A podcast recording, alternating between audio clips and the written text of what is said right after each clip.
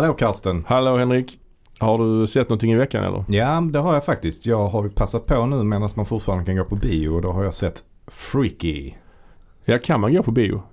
Man kan gå på bio. Ja, okej. Eh, när det här sänds kan man inte längre gå på bio. Nej, just Eh, det kommer nog troligtvis finnas vissa biografer som är öppna. Det finns ju lite olika biografkedjor ju. Ja, just det. Eh, Det finns ju Filmstaden som Ja. inte är SF. Många tror att det är SF men SF, Mm. eh, det enda de gör nu för tiden är att de producerar film. Ja, de sålde Så- väl det, ja, precis. Så ja. SF Studios finns ju. Ja, Men däremot finns Filmstaden. Eh, Ja. Och det var ju tidigare SF biografer men eh, det finns inte längre. Så att eh, Filmstaden ägs ju av det amerikanska AMC tror just jag. det. Som också har tv-kanal va? Ja, och eh, det ägs ju i sin tur av kineserna. Jaså? Ja men det är ett kinesiskt bolag som äger AMC tydligen. Ja, ja, ja. Okej. Eh, mm, så, och eh, det går inte jättebra för dem så att det, de är lite sådär, det är lite konkursvarning ibland eh, Ja, ja. tycker jag att man hör om dem. Ja, inte minst i USA va? Eh, alltså biografkedjorna där. Ja, Ja. precis ja. Eh, men, men det går också rätt knaggligt i Sverige tror jag. Jag, tror, Ja. jag antar att det hänger väl ihop lite liksom. Ja, absolut. Ehm, absolut. Mm, så att det är ju den stora kedjan. Jag vet inte hur många procent av bilmarknaden de har. Men, men det finns ju ytterligare, alltså så finns det lite andra kedjor. Svenska Eh, bio. Eh, svenska bio finns på lite olika orter. Ja. Vi har inget i Malmö. Nej, jag tror svenska kan finnas i. Landskrona va? Ja, Kan jag tror, det. jag Ja. tror det. Det finns ett par i Stockholm vet jag. Ja. Lite olika som ligger lite i utkanten. Så. Sen finns det ju en massa fristående singelbiografer eller vad man ska Mm, kalla det ja, för. Liksom. Eh, sen utöver det finns det ju Folkets parker, bio, biografer och parker. ja, Folkets bio. Ja, precis. Folkets bio Ja, ja. liksom. De har ju ofta smalare filmer. Ja. Och sen så finns det ju då Nordisk filmbiografer då på, som Just finns det. i Malmö. Som och är danskt i, i. Uppsala. Ja. Ja, och vad, Ehm, ja. Mm, och jag såg i alla fall Freaky. Freaky. Eh, det är då en eh, skräckkomedi. Horror slasher comedy kan man Ja. säga. Ehm, med Vince Vaughn som är det stora kända namnet i Ja. den här rullen. Alan Ruck är också med i den. Som, som vi känner igen från Spin City och ja. Fira med Ferris. Just det. Han som är ja, lång, gänglig. Lång och jämn ja. precis. Påminner han lite grann om utseendet, till utseendet om, alltså han ser ut som basisten i Nirvana lite grann. Fast med kort Ja. hår. Absolut, det gör han. Ja. Chris Novoselic heter han. Samtidigt är han också lite lik han den långhårige i The Young Ones. The Young Ones. Du vet det är där hemmavärs. brittisk, Ja där eh, Rick May eller dem. De, Ja. de tre är kanske, Men vänta, vänta, vänta. Young Ones, berätta. Vad är Young det? Ones det är ju de här som bor i, det är En som komedi. punkare typ eller? En punkare som har sån nitar i pannan, Ja. en hippie och det är hippien han påminner om. Aha. Och sen en eh, så här anarkist kanske. Ja. Jag tror jag är för ung för detta Karsten. Ja, ja du är någon månad yngre än mig. Men detta, detta har gått på, det, det gick på svensk TV, The Young Ones. När, när gick Hemma detta? värst. Hemma värst? När gick detta? Ja det var 80-tal tror jag. Ja. Men det är, det är, en klassiker liksom. Ja. Kult, kultklassiker.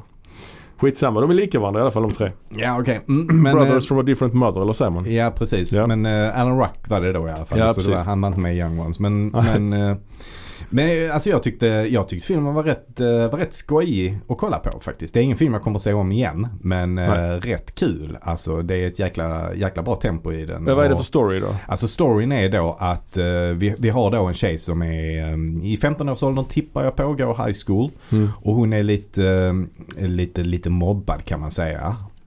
Men redan där så, jag fattar inte den grejen. Alltså hela hennes gäng, de, de känns inte som att de är de, är inte, de visas inte som att de är nördiga. Liksom. Nej, nej, Fast de fattar. är det och de är då lite mobbade lite, lite Mm. utanför. Liksom. Men, men där är en sån grej som jag tycker är lite så konstig. Mm. Ibland.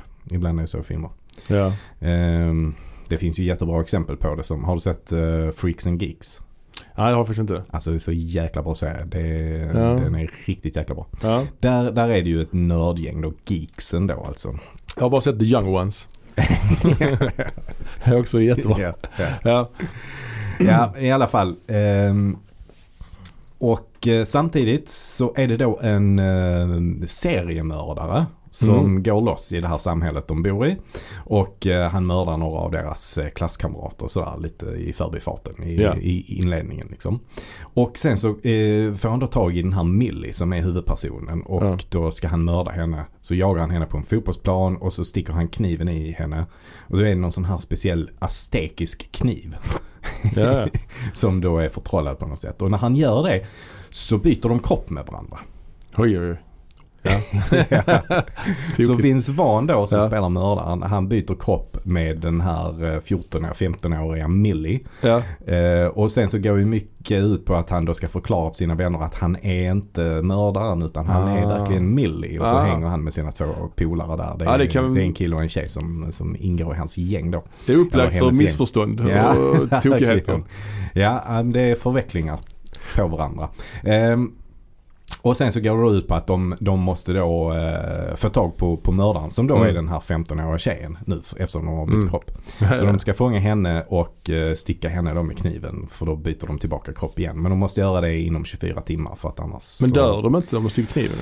Eh, Man sticker bara lite jo, grann. jo, men de, han, hon blev stucken i, i axeln typ. Ah. Så hon dog inte. Ja, ett köttsår. Ja, precis. Köttsår. Ja men det är ju, detta är ju en gammal fin, eh, fin tradition det här med kroppsbytar. Ja, Alltså ja. vi har ju, jag tänker titeln Freaky, det är tänker Mm. på Freaky Friday. Freaky Friday måste det ju... Ja och den är ju relativt ny ändå ju. Med Ja. Jamie Lee Curtis och Lindsay Lohan kanske.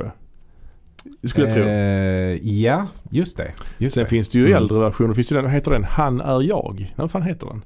Det finns även han. George Burns. Du vet han den gamle gubben som rökte cigarrer, så här komiker. Ja, Vars USP var Ja. att han var jävligt gammal. Ja, ja. Där han byter kropp med någon som kanske är, Men George Burns, är det han som är med i Airport till exempel? Nej. ja det kanske han är, jag vet inte. Men han har glasögon, Ja. cigarr liksom. Ja. Jag tror han byter, kan han byta kropp med Charlie Schlatter? Visst då Charlie Schlatter? Va, vad fan är det här för några? Ah, han är med i fasen är Charlie Charlie Schlatter? Schlatter. Han är med i filmen eh, Vision Quest kanske? Med Kylie, han spelar mot Kylie Minogue. Han är också med, tror jag, i Polisskolan 7. Det kan också vara Kirk Cameron. Du är ute på helt bisarra, bisarra territorier nu Ja, det det inte- Du pratar om, du hänvisar till Polisskolan 7 ja. och Vision Quest. Vision Quest, Charlie Schlatter. Han är också med i en film där Michael Jackson gör en cameo också tror jag. Som, som någon slags eh, direkt till videofilm. Jaha. Ja, han är någon slags, eh, alltså tänk dig Corey Haim fast mindre eh, löneanspråk. Ja okej. Jag har en ganska vag bild av vad du menar. Ja. Men, men De, de, de byter plats i alla fall. okej de byter plats. Ja. Jag tror det är de två. Ja. Jag- Det kan också vara Kirk, Kirk Cameron, minns du honom? Eh, Kurt, nej. Han, hade också, han var med i någon tv-serie. James Cameron. Ja, Kirk Cameron. Han var med i en tv-serie som heter Growing Pains. Ja, det känner jag igen. Svenska heter den Växtverk i familjen. Mm. Men han har nu, numera har jag blivit, Growing Pains, men Ja. det känner jag igen. Men det är någon annan som är med där också. han har också blivit skittokig nu på senare år ju. Mhm. Alltså han har blivit så här. Kirk Cameron. Kirk Cameron är superkristen, Trump-supporter eh, och så Okej. vidare. Jag tror det är Trump-supporter, jag vill inte säga Mm. för mycket där. Men Charlie Schlatter tror jag det är och då George Burns, de- han spelar ju farfar Mm. och, och, så byter de plats med varandra. Mm. De, ja. Men det finns många exempel. Det Ja, det finns fin- också den här 13, snart 30 tror jag den heter. Ah, Eller ja, någonting i den stilen. Det är med hon Jennifer Garner tror jag. ja, det stämmer. Ja. Ehm, Det finns ju den också, vice versa. med Judge Reinhold och Fred Savage. Ja, ja, ja, ja, ja. Vice Men är inte, versa. är inte Big också någonting Det är sånt? Big, där byter han ju inte kropp, där blir han ju bara yngre. Han blir bara... Men där, där har Nej, han får en, han får en, han, han är ung men får en, en gammal kropp så att säga. 30 år. Så är det ja, just det. Han han är ju ung och blir äldre. Mm, Så är det. Ja, mm. precis. Och det är ju någon slags eh, sån här ande, sån här önske, anden i lampan maskin Mm, på tivoli. mm. Så det är lite magi där också ju. Mm. Jag vet inte hur det går till i vice versa och den andra filmen. Jag kommer inte ihåg vad den heter den med Vice George versa Burns. såg jag men det är 30 år sedan. Ja, den var väl ingen... eh, 35 kanske. ja. ja, jag måste bara kolla vad den... Men den var, den var, ja, alltså man skulle vilja göra en djupdykning i de här gamla Judge Reinhold-filmerna framförallt. Ja, verkligen. Vad hände med Judge Reinhold? Jag vet inte. För han eh, gör inte så mycket nu för tiden. Jag tror att han, eh, han var ju jättestor på hela 80-talet ju. Ja, han var ju med. med i Snuten i Hollywood till exempel. Precis. Alla filmerna där. Spelar lite antagonistisk i eh, Gremlins där ju. Spelar en liten roll. Mm. Ehm, han Men jag heter, tror att han helt enkelt, eh, han eh, var en sån som, ja, framgången liksom ledde till att han eh, ja, började kanske inta diverse substanser. Och det, blev- nu, nu spekulerar vi. Nej, Vilt. nej. Nej, nej. Nej, men- nej han, jag har hört att han ändå blev svår att jobba med. Att han, eh, ja, att han var en douche. Ja. Vilket man inte tror eftersom Nej. han alltid spelar sådana good guy Ja, nästan alltid. Ja, precis. Nu har jag tagit fram här Ja. i databasen. Okej. Den här filmen heter alltså 18 again. Det, och det är Ja. George Burns och Charlie Schlatter. Okej. Och George Burns då, eh, född 1900, nej förlåt, 1900 säger jag. 1800. född 1896. Okej. Dog 1996. Aha. Mm. Vad, hur Ja, gammal blev han då? Ja, 1896 till 1996. Mm. Mm. Så jag vet inte, det ja, 100 för det till. Ja, hundra ja, år. ja. Okej. Mm. Eh, och eh, Charlie Schlatter, född 1966, lever fortfarande. Han lever fortfarande? Ja. Det är skönt. Mm. Han är mest känd från den här serien, eller den här filmen. Mm. Ja, och nu primärt voice actor. Mm. Ja, men eh, det är en Mm. härlig tradition där med kroppsbytare. Mm. Mm. De byter Mm. kropp med varandra. Det, det, det är ju ver- verkligen. Och det som är lite, lite nytt här är ju då att det är i en eh, typisk slasher setting eh, på en high school. Så att det är, ja, men det, är, det är rätt kul och det är några rätt bra mordscener faktiskt. Bland annat Alan Rock då. Han, han blir eh, han blir på något sätt, sätt lagd på en sån här bänk av något slag och sedan såg i ena änden och så Ja. puttar hon in honom i sågen då så att eh, sprids blod i hela rummet. I hela träslöjdslokalen. Ja, ja, men... Eh, ja, ja, men jag tycker Freaky. ändå, ja, Ja. freaky. Schysst, schysst eh, rulle faktiskt. Ja. ja, jag har också kollat rulle i, i veckan här. Jag har tagit mig tillbaka till 80-talet som jag så ofta gör. Eh, Jag har sett filmen Bloodstone från Ja, 1900, ja, ja. 1988. Just det. Det är ju en film, en annan tradition. Mm. Eh, traditionen Indiana Jones-kopior. Fast vänta nu, är det indiska Indiana Jones-kopior? Ja, den är ju indisk-amerikansk eh, produktion. Eh, eller producenten är ju grekisk. Det är ju eh, producenten Niko Mastorakis. ja, ja. Mastorakis. Mastora, det är ja. en, Mastor, en Niko, Niko Mastorakis produktion. Mm. Han har gjort rätt mycket B-filmer ju. Mm. Han har även gjort en annan film som heter Blood Tide. Mhm. Som jag också kollat på i Han gillar att veckan. ha blood i sina titlar. med James Earl Jones och eh, han eh, som spelar den onde tränaren i Karate Kid, Martin Cove. Mm. De spelar mot varandra i den filmen. Mm. Men det är inte det vi ska prata om. Vi ska prata lite om Bloodstone då. Det är ju som, som du säger, det är indisk, Mm. inspelad i Indien. Mm. Och det är väl egentligen det som gör att den är lite intressant att kolla på. Det är också en indisk skådis med. Eh, den indiske superstjärnan och här läser till. Han har ett artistnamn nämligen. Rajinikanth. Mm. Hans eh, amerikanska engelskspråkiga debut. Han kunde, Okej. inte, han kunde typ inte engelska så de fick, han fick lära sig det inför varje tagning. Ja. Ehm, men eh, ja, det, det är ju Indiana, alltså Indiana Jones-kopiorna, de stod ju som en spön i backen på 80-talet Ja, ju. ja, Det kom ju den här villajakten på stenen. ja. Romancing the Stone Mm. ju.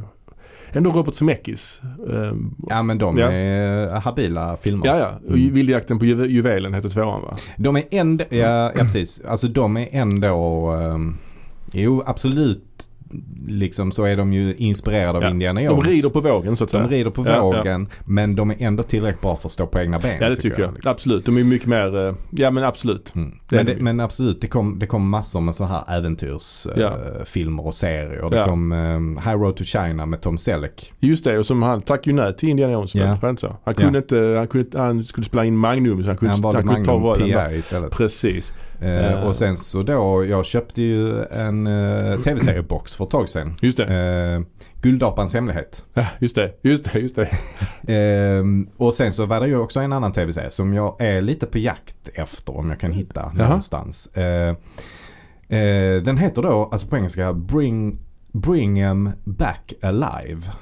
Ja men det är väl en med, Uppdrag i Singapore ja, med den Bruce. Boxleitner. Ja. Det pratade vi om i vårt Tron-avsnitt. Just det, Ja, just det, ja. just det. Den är jag på jakt efter om man kan hitta den eh, faktiskt. Den, eh, för den hade jag velat se om igen. Båda de två serierna kollar jag jättemycket på när man var i den, Ja. Ja, när det- det, begav sig. Ja, men det är sånt nostalgi på, ja, kul att hitta Mm, igen liksom. mm. Den annan, en annan sån här kopia är ju eh, Firewalker med Chuck Norris. Mm, Lou Gossett Jr. mm, mm. Och Den här påminner lite om Firewalker. Mm. Fast den här är ju ännu svagare. Mm. Eh, den är ju rätt svag. Man tänker sig det faktiskt. Ja det gör man kanske. Men det handlar ju om, liksom, det, är, ett par som råkar få tag på en, av en olyckshändelse får de tag på en rubin. Som är så här, den har lite krafter tydligen också. Mm. Man får se en sån intro i början som utspelar sig längre tillbaks i tiden i Mm. Indien liksom. Mm. Och så är det massa folk som är efter dem som ska ha den här rubinen. Typ så är det. Tjejen blir kidnappad sen så måste han, den här killen och den här indiske eh, snubben rädda henne. Han, den här killen spelar huvudrollen. Han, hans röst har de eh, dubbat med en annan skådis i efterhand också. Mm. Så det är också lite, Nice. ja. Regi, Dwight H. Little. Mhm. Han- Inget, inget namn jag känner igen Nej, riktigt. han är nog kanske själva definitionen av en bruksregissör. Okej, Vill du höra några utvalda? ja men absolut. Ja. Han har gjort Rapid Fire actionfilm med Oh, eh. Brandon Lee. Ja. Ja. Han har gjort Halloween 4, The Return of Michael Myers Ja. och Rädda Willy Det, 2. det är en av de eh, vanligaste halloween-filmerna man hittar ute i, eh, på loppishyllorna. Alltså? Ja, alltså om man hittar en halloween så tror jag det är den man hittar, fyran. Ja okej. Men som jag sa, Ja. han har även gjort Rädda Willy 2. Ja, ja, ja. Kan man vara mer bruks än så. Nej, det kan man nog inte. Ja, den här filmen är ju inte alls bra men den är ändå, den har ändå någonting. Det är ändå Mm. trevligt att kolla på. Det är rätt, alltså det är lågbudget så in i bänken, Mm. det märker man ju. Men det är kul att det är Indien liksom. Mm. Andra miljöer.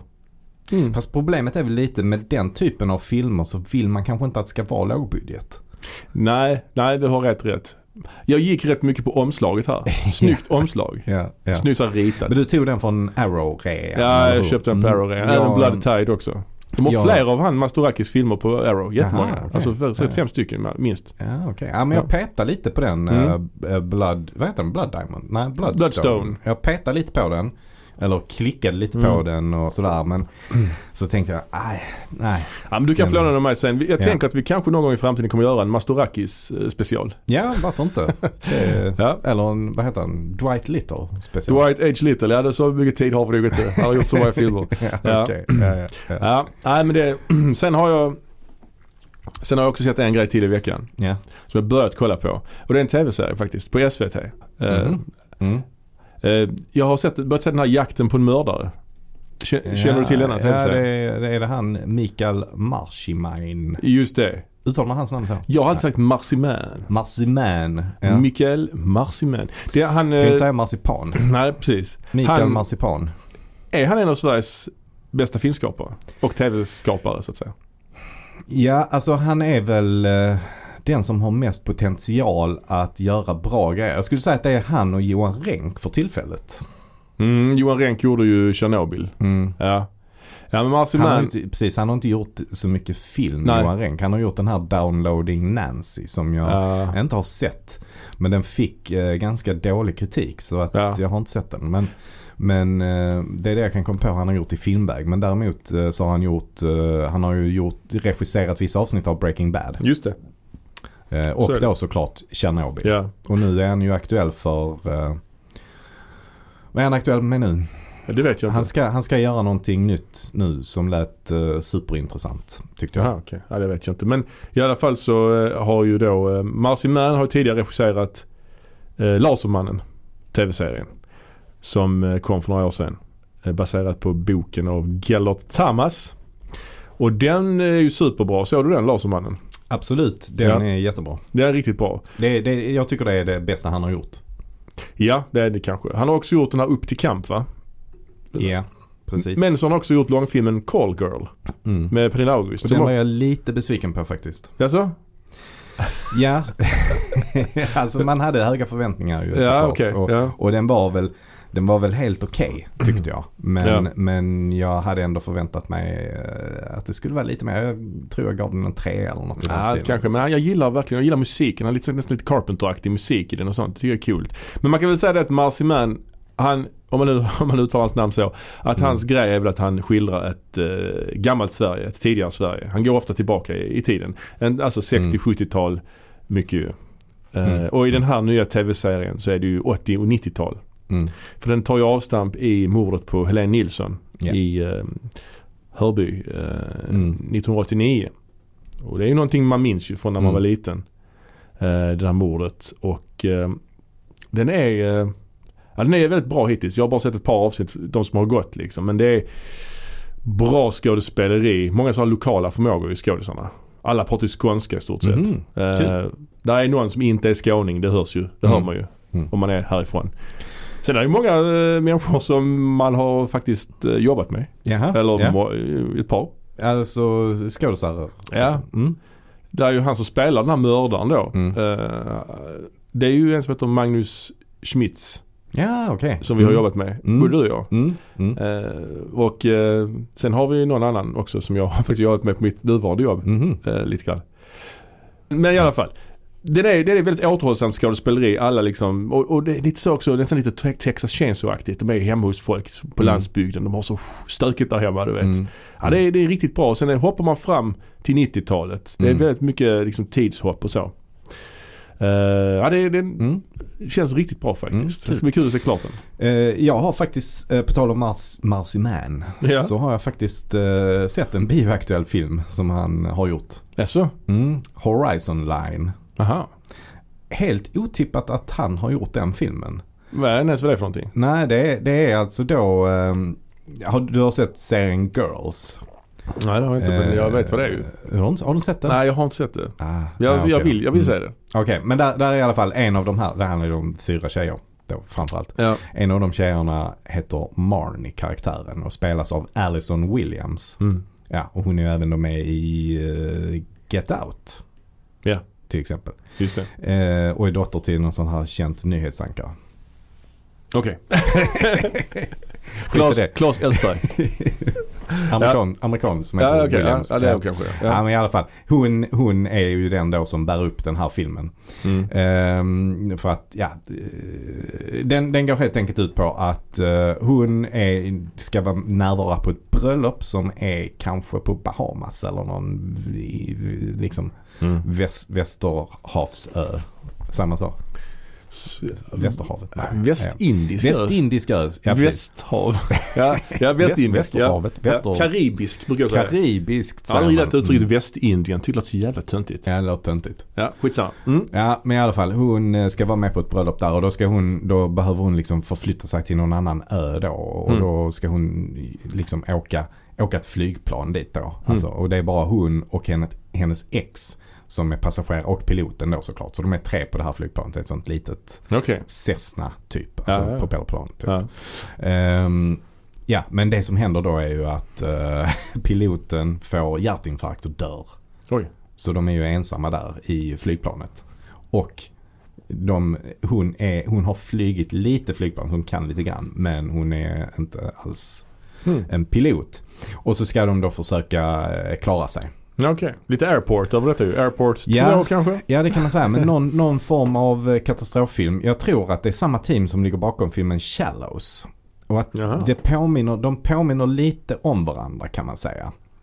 Okej. Alltså just det att man hamnar i, alltså vanliga människor som hamnar i en ganska prekär situation. Mm.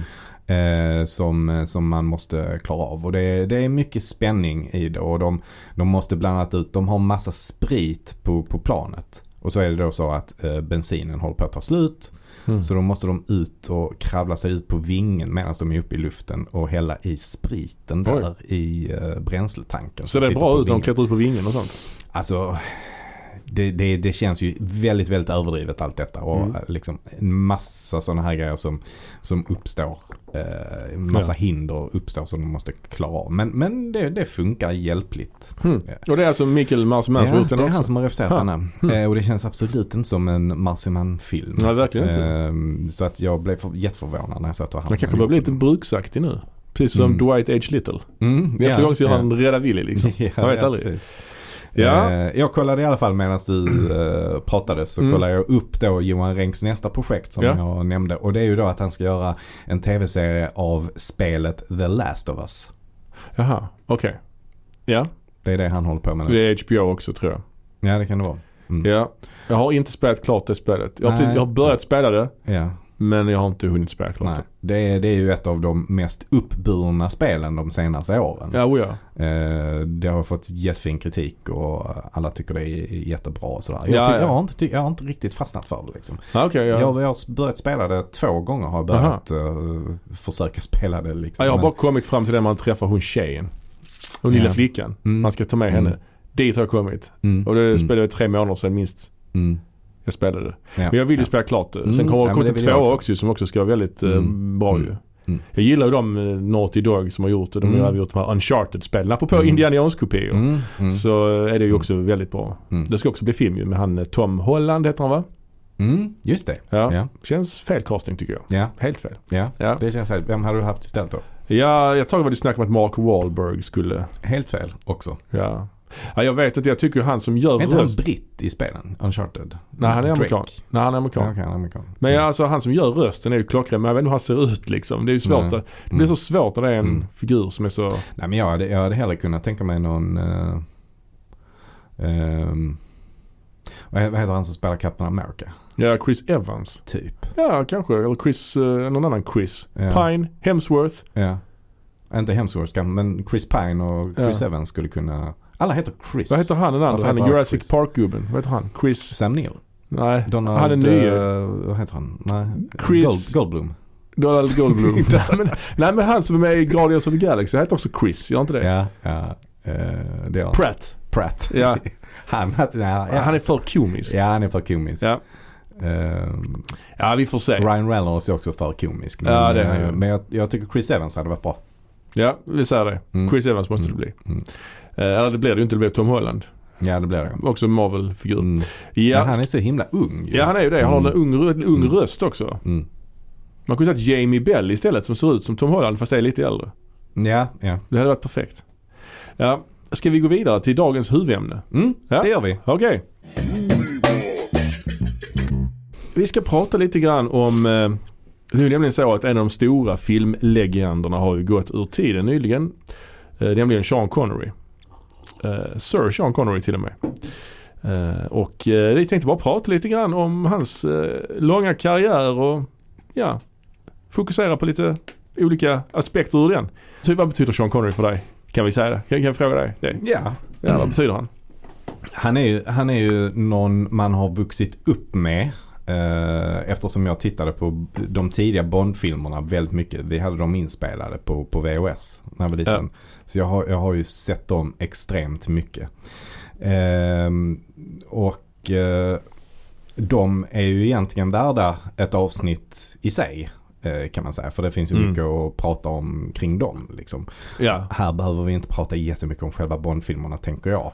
Nej. Eh, Bond är ju såklart ett jätteviktigt kapitel för Sean Connery. Ja visst. För det är ju lite så att Sean Connery hade ju inte varit någonting utan Bond och Bond hade troligtvis inte varit någonting utan Sean Connery. Nej kanske inte. Ehm, men men, eh, men man, är, man, är, man är uppvuxen med dem och jag har ju alltid älskat att bara se på Sean Connery. Ja, Alltså okej. Mm. det han utstrålar. Han, han utstrålar ju liksom en, alltså det är ju, det är ju en styrka och det är liksom hans fysik på något sätt och sättet han rör sig på. Alltså sättet han går in genom en dörr till exempel är ju, Mhm. är ju intressant bara att titta på. Tycker jag. Sättet han går in i en dörr. ja, ja men jag, jag, jag, jag, förstår, jag förstår exakt vad du menar. Ja, och hans röst naturligtvis. Hans röst och hans speciella. extremt konstiga dialekt som ju inte, Nej. den är ju oefterhärmlig. han är ju Alltså, skotte liksom. Han är, han är ju från Edinburgh. Edinburgh. Det är väl Johan McGregor också till exempel. Och de, Jag tror du skulle- Jag tror du skulle säga Johan Renck. Men du sa Johan McGregor. Ja, Johan, ja, ja. Johan McGregor är det. Men de, alltså det är inte så att de pratar likadant bara för det. Nej han pratar ju mer Scottish. I'm from Scotland. McGregor ja. Ja. Ja, precis. Ehm, och Sean Connery har ju också en, en typisk Edinburgh-dialekt. Men det, det är ju, låter helt annorlunda jämfört med McGregor. Så det finns ju olika Ja. dialekter därifrån. Sen har han väl också fått kanske maskera den lite när han spelar Bond som ändå ska vara engelsman tänker jag. ja, ja. Och för mig var ju liksom, Sean, jag såg ju Roger Moore före jag såg Sean Connery. Ja, ja, okej. Alltså Mm. den, den första Bond-film jag såg var nog en Roger Moore-film. För det var han som Mm. var Bond när man var liten liksom. Alltså han var ju aktuell som Bond när man var Mm. liten. Mm. Men sen såg jag ju, som du också, alla de här Sean Connery-filmerna hade vi inspelade och sånt också. Så det, det är ju exakt, jag har väl ungefär likadan relation till honom som du. Eh, intressant dock att eh, det är väldigt få eh, engelsmän som Mm. har spelat Bond. Mm. Pierce Brosnan var ju irländare. Ja och han, eh, vad heter han, Lazenby, han var ju australia- ja. australiensare. Mm. Ja, det är ju Roger Moore och, eh, vad heter han, Paul Craig? Nej, Daniel Craig. Daniel Craig. Ja och även Timothy Dalton. Ja, Så ja, hälften då. ja. Ja. Men ändå. Mm. Mm. Eh, jo, precis. Ja men de Bond-filmerna de har sett mycket. Som sagt, det är väl, de är värda ett avsnitt i sig. Mm. Mm. Eh, Men det, det är också mycket, mycket humor Mm. som han är duktig på. Och jag tycker just i Bond så han, han gör ju Bond på ett annat sätt än vad Roger Moore gör. Det är ju, det är ju mer, vad ska man säga, han är en hårdare Bond. Mm. Roger Moore är ju lite mer, det är är ju lite mer humor i Roger Moores filmer. ja, lite snobbigare sådär. Mm, mm. Men det här med att han ska vara den bästa Bond, man är ju rätt trött på att höra det. Att läsa Mm. sådana jävla krönikor. Ja, han var den bästa Bond. Han kommer, Mm. alltid, kommer alltid vara Bond. Det är ju lite så här, lite Beatles-romantik över det, är det inte det? Mm. Jo, absolut. Men det stämmer ju. Ja, ja, kanske.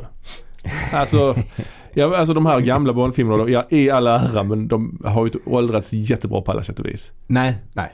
Det, Alltså, det- absolut. Nej men så är det ju. Det är ju alltid så att skurken fångar honom. Ja. Så ska, döda inte honom. Vi äter middag först. Ja. Så kan vi bli vänner. Se, alltså du kan fly. Nej jag vet inte. Men, men de är ju roliga att kolla på naturligtvis. naturligtvis. Framförallt är de ju snygga. Alltså det, det, som är, det som är roligt är ju att han springer omkring i sån här smoking och, Mm. och sånt. Och har en pistol med en ljuddämpare och Ja. spränger silos och sånt där.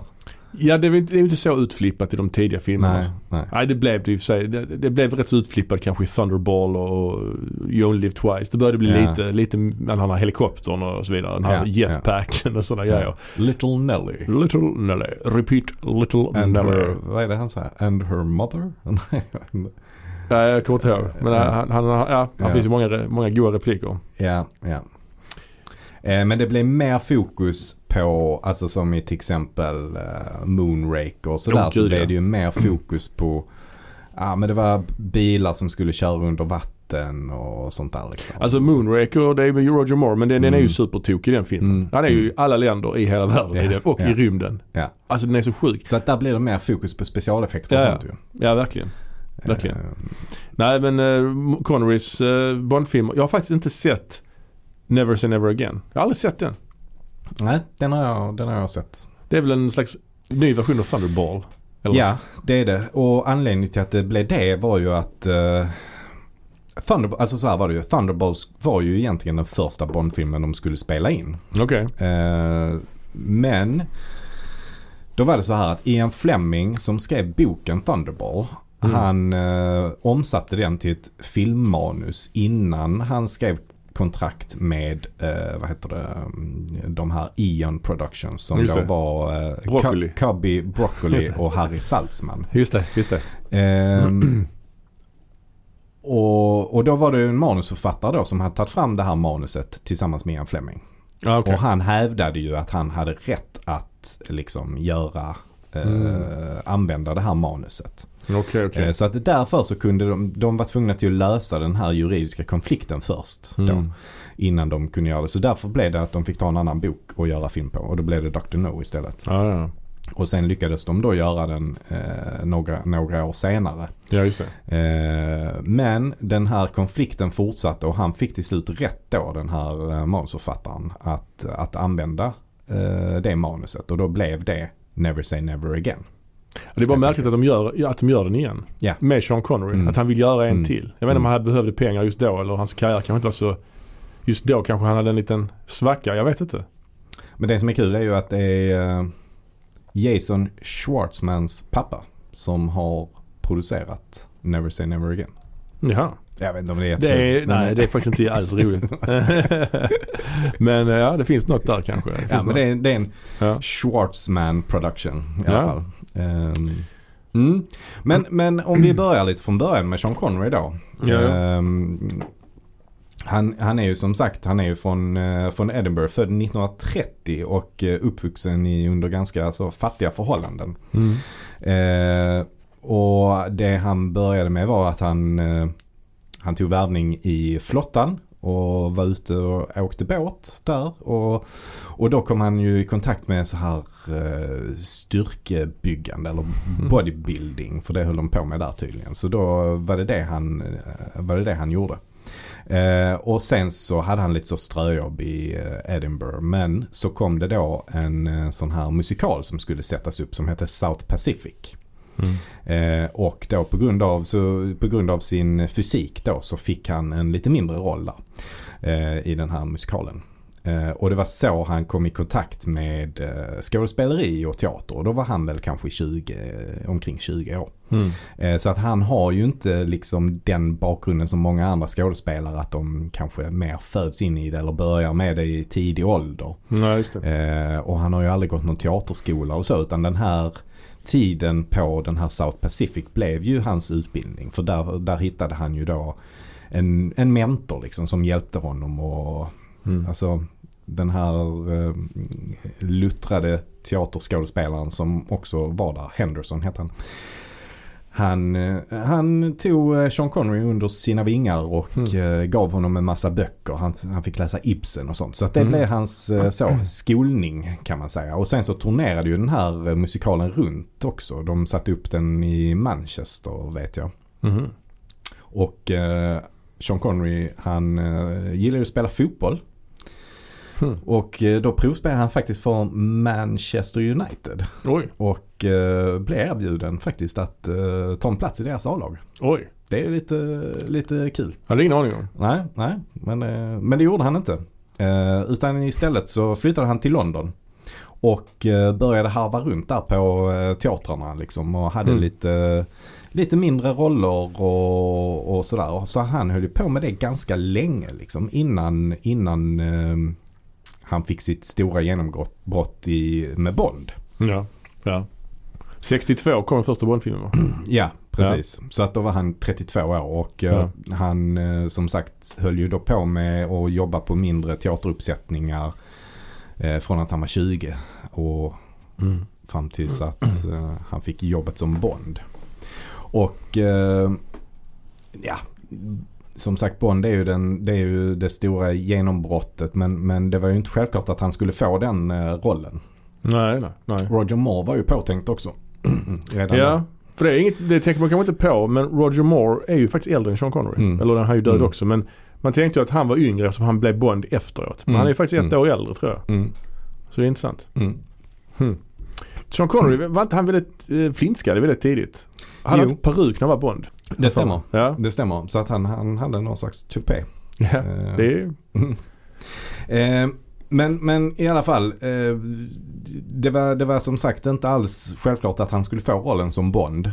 Och det var bara ren slump liksom att han, att han fick det. Han, han gick på en audition och då var det eh, Cub- Cubby Broccolis fru som eh, när han, när han Mm. kom in liksom så, så tyckte hon att det var han som skulle ha den. Är Liksom. det Barbara Broccoli?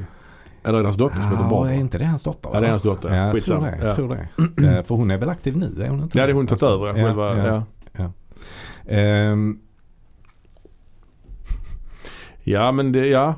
Tror han var, hade han inte tatueringar också på armarna, Connery? jo, de, Ja. de gjorde han när han var i flottan. Han, Ja. har, han har en tatuering där det står Mom and Dad. Ja, ja, Och sen har han en tatuering, vet du vad det står på den? Nej. Scotland Forever. Ja. Ah, kul. ja, det är lite kul. Ja, men han var ju väldigt så inne, alltså inne på det här med skotsk Mm, självständighet ju. Han Mm. var ju en av förespråkarna för det. Mm. Nu fick han ju inte se det under sin livstid. Det var ju nära där. De hade ju folkomröstning för några år sedan ju. Men det blev Mm. ju ett nej till det då. Men, men de, de, de tittade ju, alltså de, vill, de som sagt de ville ha Roger Moore till, till Bond. Men även andra som Cary Grant och, Ja. och sådana. Och de är ju rätt gamla liksom vid den, Ja. vid den tidpunkten. Ja, ja, ja. Ehm, så att, ehm, ja men, men det blev han till, till slut i alla fall. Och uh, Ian Fleming vill ju absolut inte att eh, Sean Connery skulle, skulle få Mm. rollen. Men, men efter att han hade sett Dr. No så tyckte han, ändrade han sig och tyckte att det var helt rätt. För han är ju inte den, en liten correction där är ju att han inte är den första Bond egentligen. För det finns ju en till som heter Barry Nelson. Som Mhm. spelade Bond i någon slags tv-film. Någon tv-version av kanske Casino Royale. Aha, Barry. Nelson tror jag han hette och han spelar även hotellägaren i The Shining. Alltså det är han som Mm. eh, Jack Nicholson är på intervju hos i början av The Shining. Ja, ja, ja. Men det, det var ju inte på film då utan det var ju den, Mm. Han är ju förbisedd när det Mm, gäller att det är räkna han. upp, när de räknar Bond. Alltså David Niven är också förbisedd. ja, ja, det är sant. Men den kom ju ändå senare väl? Den kom kanske 67 eller något Ja, sånt. den är mer liksom en parodi på något sätt.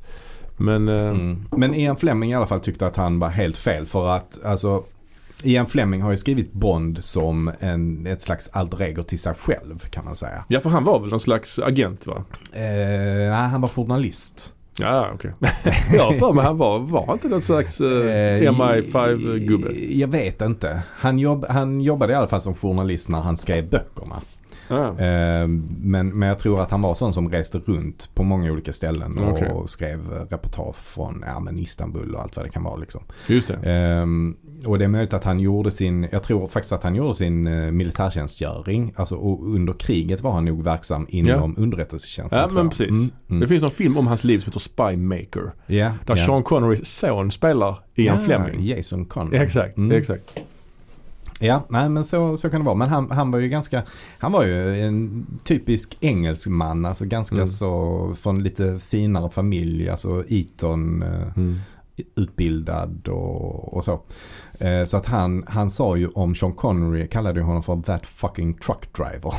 Så, ja. Intressant. Det var, det var så han såg, han såg honom som en liksom Mm. väldigt burdus eh, och det var inte alls det han hade tänkt. Men i alla fall den här första regissören till den första Bondfilmen, den första riktiga Bondfilmen då, Ja. Dr. No, det var ju Terrence Young. Ja. Eh, Så att Terrence Young fick ju då på sig att eh, så här lära upp Sean Connery hur man för sig på finare middagar till exempel och sådana saker. Liksom. Så, att, så att Sean Connery hängde ju otroligt mycket med Terrence Young och typ bodde hemma hos honom och, och sådär. Mm. De, han lärde honom bordsskick och ja, ja men hur man, hur man för sig, hur man tänder en cigarett på ett Mm. gentilt sätt och så. ja.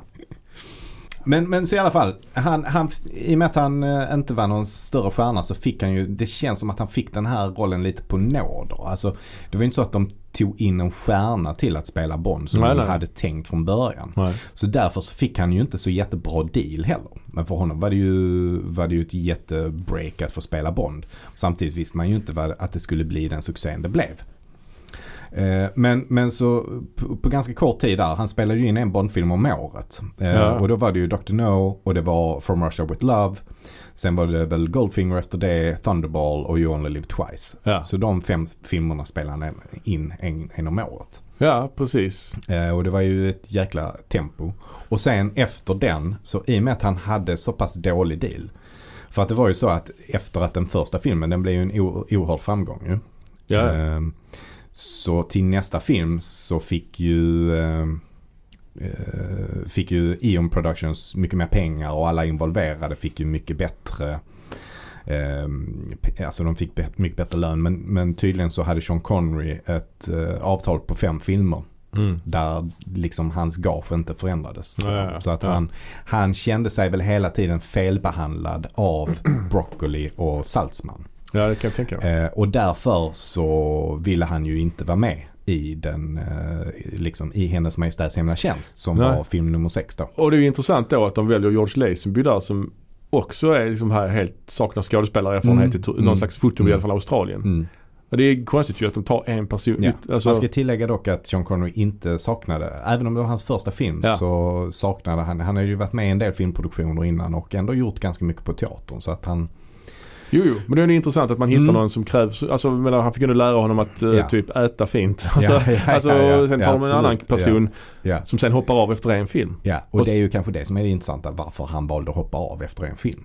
Ja, ja. Jag har faktiskt sett den där dokumentären. Mm, det har jag också. Eh, Men jag minns inte vad han hade för skäl till ja det. men han trodde inte den tillhörde framtiden. Han såg det som en någon Ja. outdated karaktär som inte skulle ha framtiden för sig. Ja, Han vill göra annat liksom. Han dök ju upp under, alltså Lazenby då, när de skulle liksom göra marknadsföra filmen så dök han ju upp så här långhårig, så ut som en hippie. Det var det. lustigt alltså. ja det, var, det var riktigt konstigt. Men sen fick de, Connery kom ju tillbaka sen då. Ja men sen tog de ju ett break med Bond.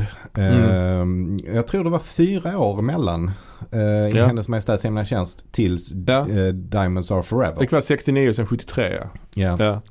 Eh, och då i alla fall så ehm, eh, lyckades de få tillbaka eh, Sean Connery. Men då slöt han ju ett nytt avtal med United Artists. Där Mm. han liksom blev, blev den bäst betalda skådespelaren någonsin. Alltså han fick en oerhört bra deal. Eh, och i den här dealen ingick också att han skulle få lov att göra två filmer. Eh, där han själv bestämde vad det skulle vara för filmer. Han fick själv basa helt och hållet vem som skulle regissera och, Mhm. och allting eh, sånt. Vad valde han då att göra? Eh, det han valde var faktiskt The Offense. Ja. Sidney Lumet-filmen. Ja. Ehm, och ehm, den kom väl då 73 tror jag. Och sen så blev det faktiskt ingen mer film i den här, i den här dealen med United Artists. Det, blev, det blev bara den. Ehm, men vi kan, vi kan bara hoppa tillbaka lite grann för att mellan de här Bond-filmerna så dök det ju upp flera erbjudanden. Ja, ja. Han hade ju en parallell karriär Ja, med Bond kan man väl Ja. säga. precis. Så att eh, hans nästa, alltså efter Dr. No, så hans nästa stora grej var ju Marnie med Hitchcock. Ja, precis. Och Tippi Hedren va? Ja, exakt. Ja, ja det, det är precis. Det är ju en stor, det är en statusroll. Liksom. Ja. Prestigeroll att spela i Hitchcock på den här tiden. Liksom. Ja, det är det. Det är det verkligen. Det var det här- Hitchcock gjorde efter Psycho. efter Fåglarna. Fåglarna, Mm. ja just det. Först Psycho. Sen ville eh, Hitchcock göra eh, Marnie. Ja, Men han ville ju ha, eh, vad heter hon, eh, Monaco-tjejen? ja, ja Grace, Kelly. Ja. Eh, han ville ju ha henne men, eh, men hon hoppade av det och då blev han så, så jäkla sur så att han eh, han valde att lägga projektet på is. Det var Mm. också att det var problem med manuset för att eh, han, han, den första manusförfattaren, eh, det är även han som ligger bak- bakom de här Ed McBain-böckerna. Mhm. Eh, jag har inte hans namn nu, Evan någonting heter han. Eh, han där, är ju, där är ju en våldtäktsscen i den här eh, filmen. Ja, ja. Eh, och det är ju då när Sean Connery eh, gifter sig då med eh, Marnie, Mm. eh, karaktären, Tippi Hedrens eh, figur. Ehm, så är de på honeymoon och då eh, våldtar ju Sean Connery eh, Tippi Hedren. ja, det är... Och det ville den här manusförfattaren inte ha med. Han ville skriva om den scenen så att den inte var så. Men, men för att det är baserat på en bok och i boken är det så. Mm.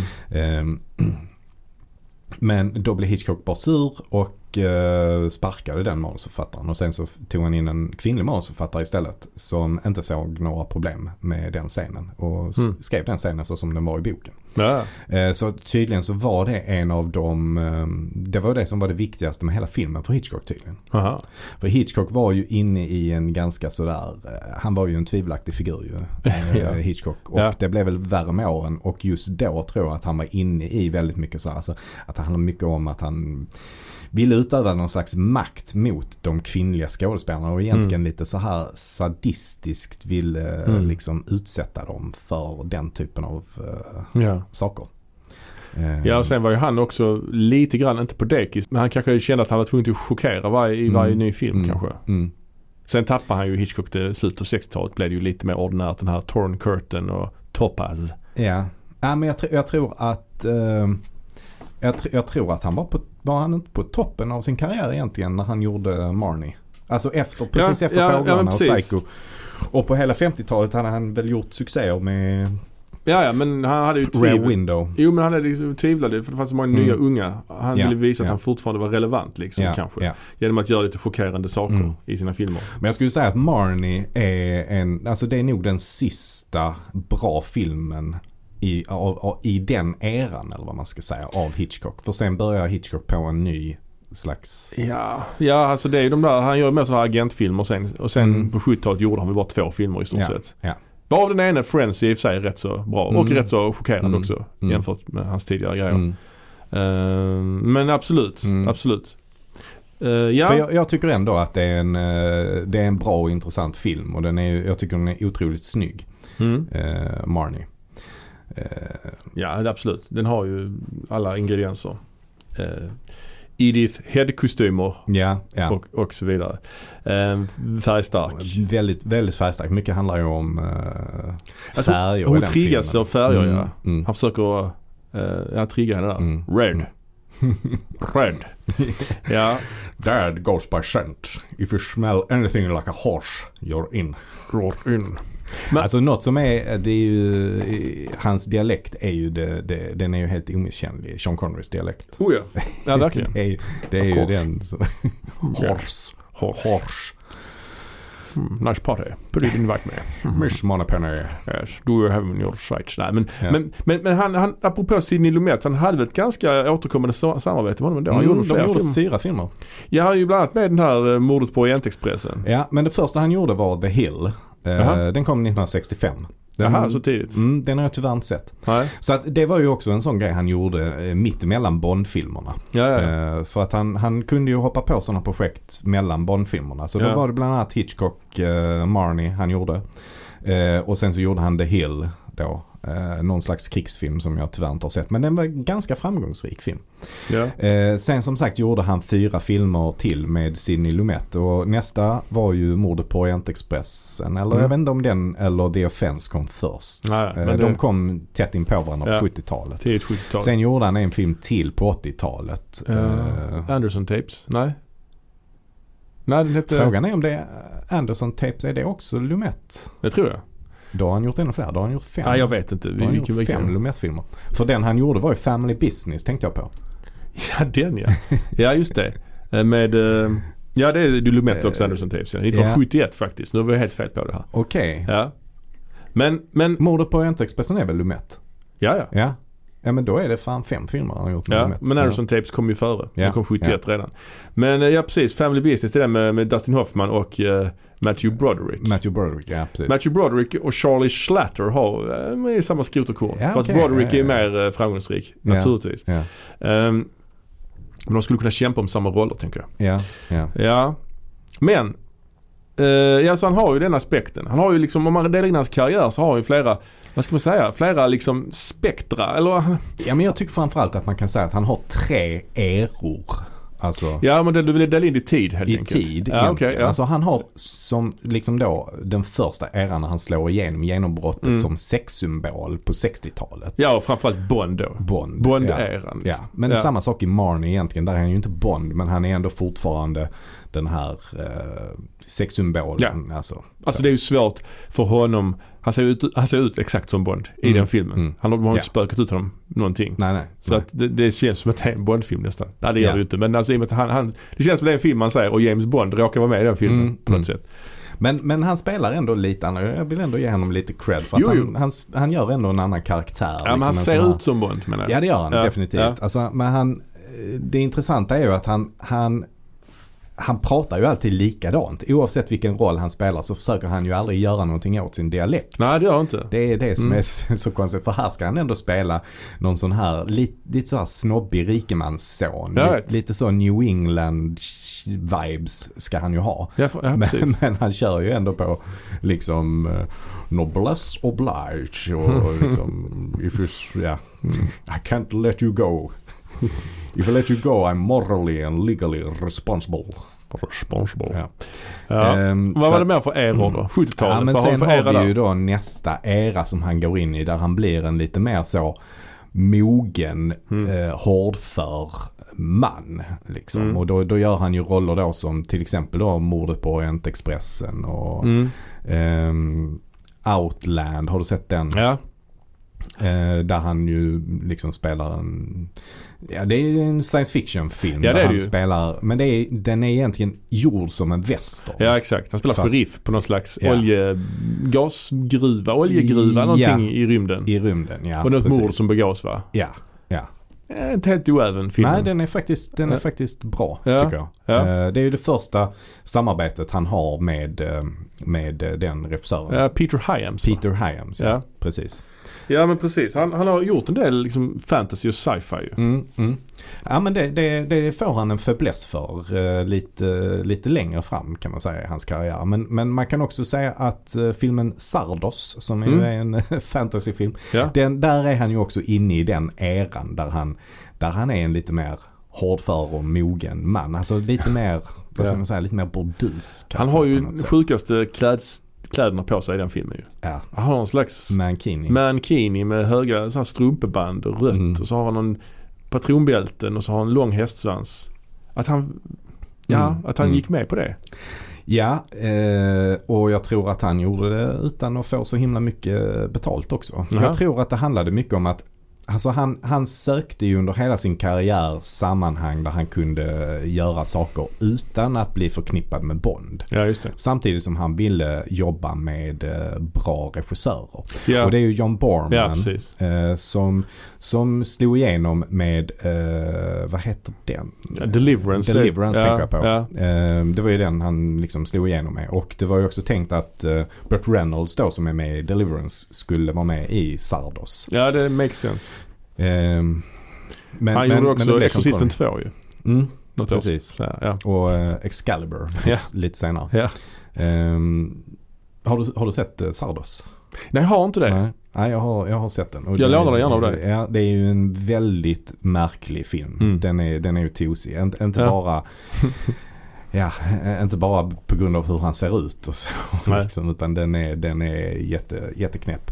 Det är egentligen inte så mycket, alltså jag vet inte vad man ska säga om den ens. Den är, Nej. den är, bara, den är bara märklig. Alltså, men, Ja. men den är rätt kul att kolla på. Även Ja. om man inte Nej, jag, jag fattar ser, gärna, ser gärna den. Ja. Eh, sen har han ju gjort andra fantasyfilmer. Eh, på 80-talet gjorde han ju filmen Highlander. Mm, precis, och då går han ju in i en ny era. Okej. kan man säga. Och det är ju då han liksom går in i eh, det man kan kalla för, alltså där spelar han mer roller som den gamle vise mannen Ja. eller läromästaren. Läromästarkaraktären. där, I liksom. mer kommersiella sammanhang. Ja, kan man säga. precis. Och där finns det ju, där har han ju gjort väldigt många eh, Gud, ja. roller. i- Indiana Jones inte minst. Ja, precis. Eh, men det, men det, det går han igång med där på 80-talet. Highlander är ju, jag vet inte om han valde att göra den också på grund av sitt skotska, eh, sin skotska bakgrund. Ja, Men det är ju intressant att han spelar någon slags spanjor. ja. Eller han har rötter från hela världen verkar det som. Mm. Men, eh, och, Egyptier. ja, egyptier. Ja. Han nämns Mm. många, han har många ursprung nämner de i den Men filmen. han, heter Ramirez Ja. i den filmen. Och han, och han som spelar skotten, mm, Christopher Lambert, mm. Han kunde ju inte ens prata engelska under Nej. inspelningen. Nej det är helt, det är jättekonstigt. Varför tar Ja. man Nej. alltså varför tar man Ja, en skotte och sätter i ja, en helt annan roll? ja. Ja. Och, och skulle, han lära sig, skulle han lära sig engelska med skotsk brytning och Mm. prata inför Mm. Sean Connery då som är en väldigt Mm. eh, Mm. namnkunnig skådis Mm. från just Skottland. Det är väldigt märkligt alltså. Nej men det är kul. Han, han, han verkar liksom gilla science fiction och fantasy. Mm. Och han, han gjorde ju även uppföljaren då till Highlander. Highlander 2. Ja, The Quickening. The Quickening ja. Ja. Eh, En av de sämsta uppföljare som gjorts enligt många ju. Ja, kanske en av de sämsta filmerna någonsin också. För ettan, och det har jag sagt till dig innan. Mm. Jag såg om ettan, jag har inte sett den på 30 år kanske. Mm. Såg om den nu här förleden. Fan vad bra den är. Alltså det så här, den har verkligen potential att vara hur bra som helst. Mm. Men den är fortfarande lite för så här 80-tals-ostig. Christopher Lambert är ju för dålig. Ja. Men den Ja. har ju svin... Det är ju jävligt coolt där man klipper. Den handlar ju om, ja, kortfattat några odödliga krigare Mm. som finns över hela världen. Och de, de då ska bekämpa varandra tills det bara är en kvar och då kommer den personen ha all makt liksom. Och det är en ond då, sån här odödlig Mm. som ska döda de andra, vill döda de andra liksom. Men just att man klipper mellan den här Christopher Lamberts liv då, liksom från när han är sån här highlander på skotska högländerna. Sen hoppar man fram till New York 1986 där han sitter i Madison Square Garden och kollar på wrestling liksom. Och sen klipper man till någon scen från 1700-talet, någon från andra världskriget. Alltså det är jävligt coolt och så är det jävligt, jävligt snyggt foto och Queen har gjort soundtracket ju. Mm, Det finns, mm. finns, finns mycket här Mm. alltså. Nej, bra, bra soundtrack. Mycket bra.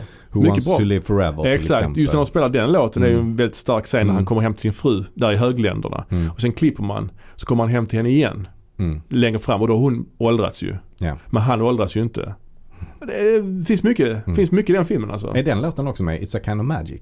Nej, men han säger det. Ja. Han, han säger den repliken några gånger. It's a kind of magic. Ja. Eh, han, eh, Christopher Lambert. Ja. Jag vet inte varför. Nej. Men säger du den också, the, pr- we're the princess of the universe någonting. Mm. Bra film. Sean Connery är inte med jättemycket i filmen. Nej.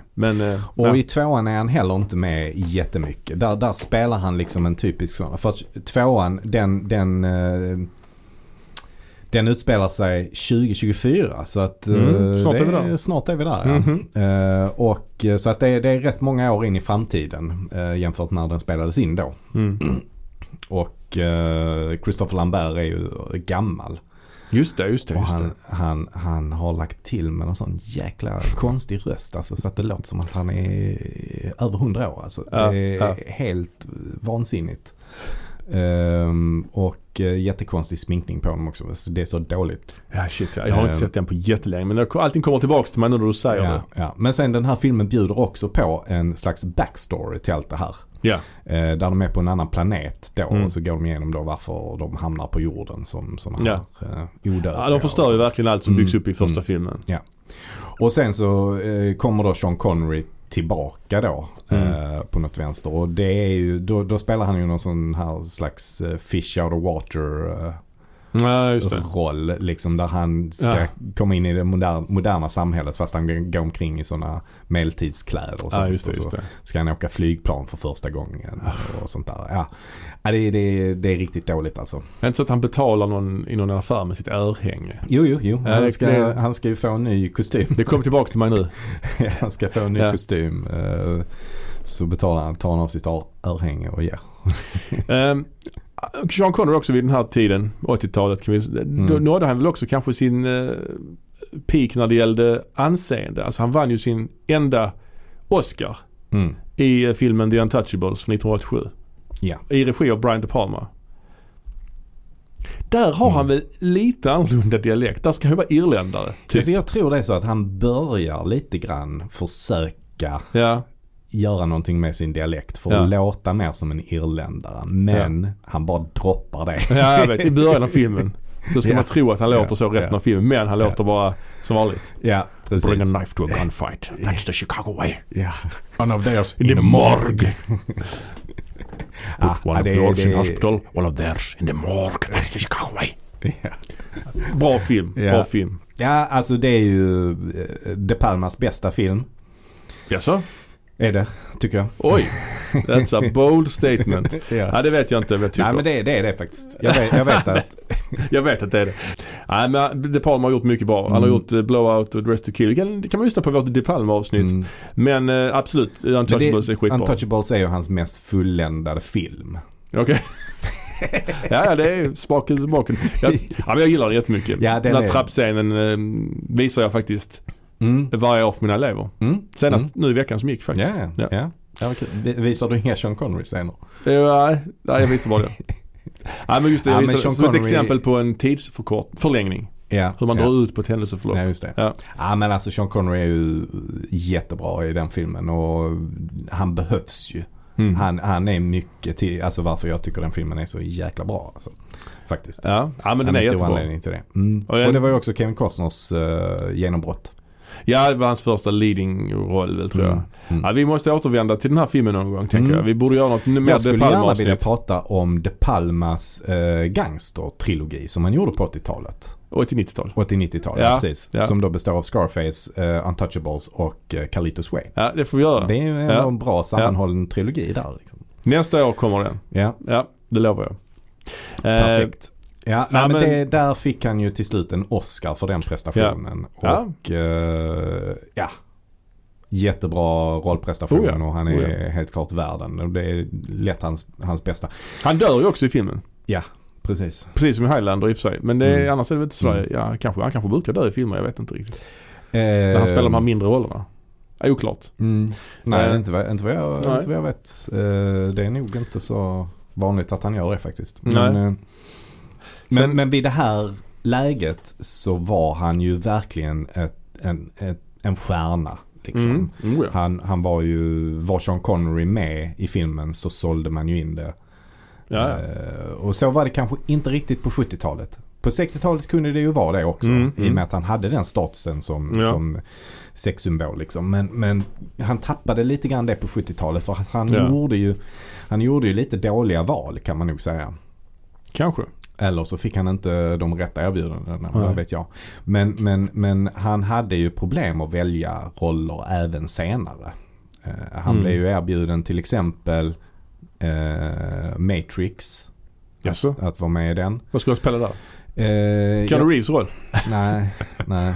Going Ehm, on? I do kung fu. Kanske, alltså ja, nej jag vet inte vilken roll det var faktiskt. Ja, Morpheus kanske? Nej. Ja, jag, vad fan nej, vet jag? Morpheus, är, är det Lawrence Fishburne? Ja. Nej, det var en annan. Det var inte Morpheus. Nähä. Det var en annan roll han skulle Aha, ha okej. gjort. Hon Eh. uh, Carrie Ann Moss roll? Nej. Trinity. My Och- name is och- Trinity. Och inte han den, eh, den fjärde killen heller.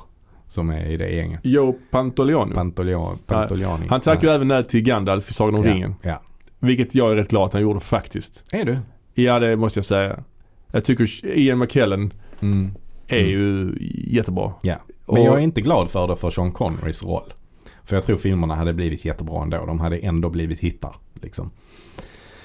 Ja nej men. Även om Sean Connery hade varit med. Liksom, så att, ja, det, det, det, alltså ur hans perspektiv så är det ju ett felval att inte vara med där. Ja, Men, det men han, han sa att han inte förstod sig på manuset. Så att det var därför han tackade nej till den.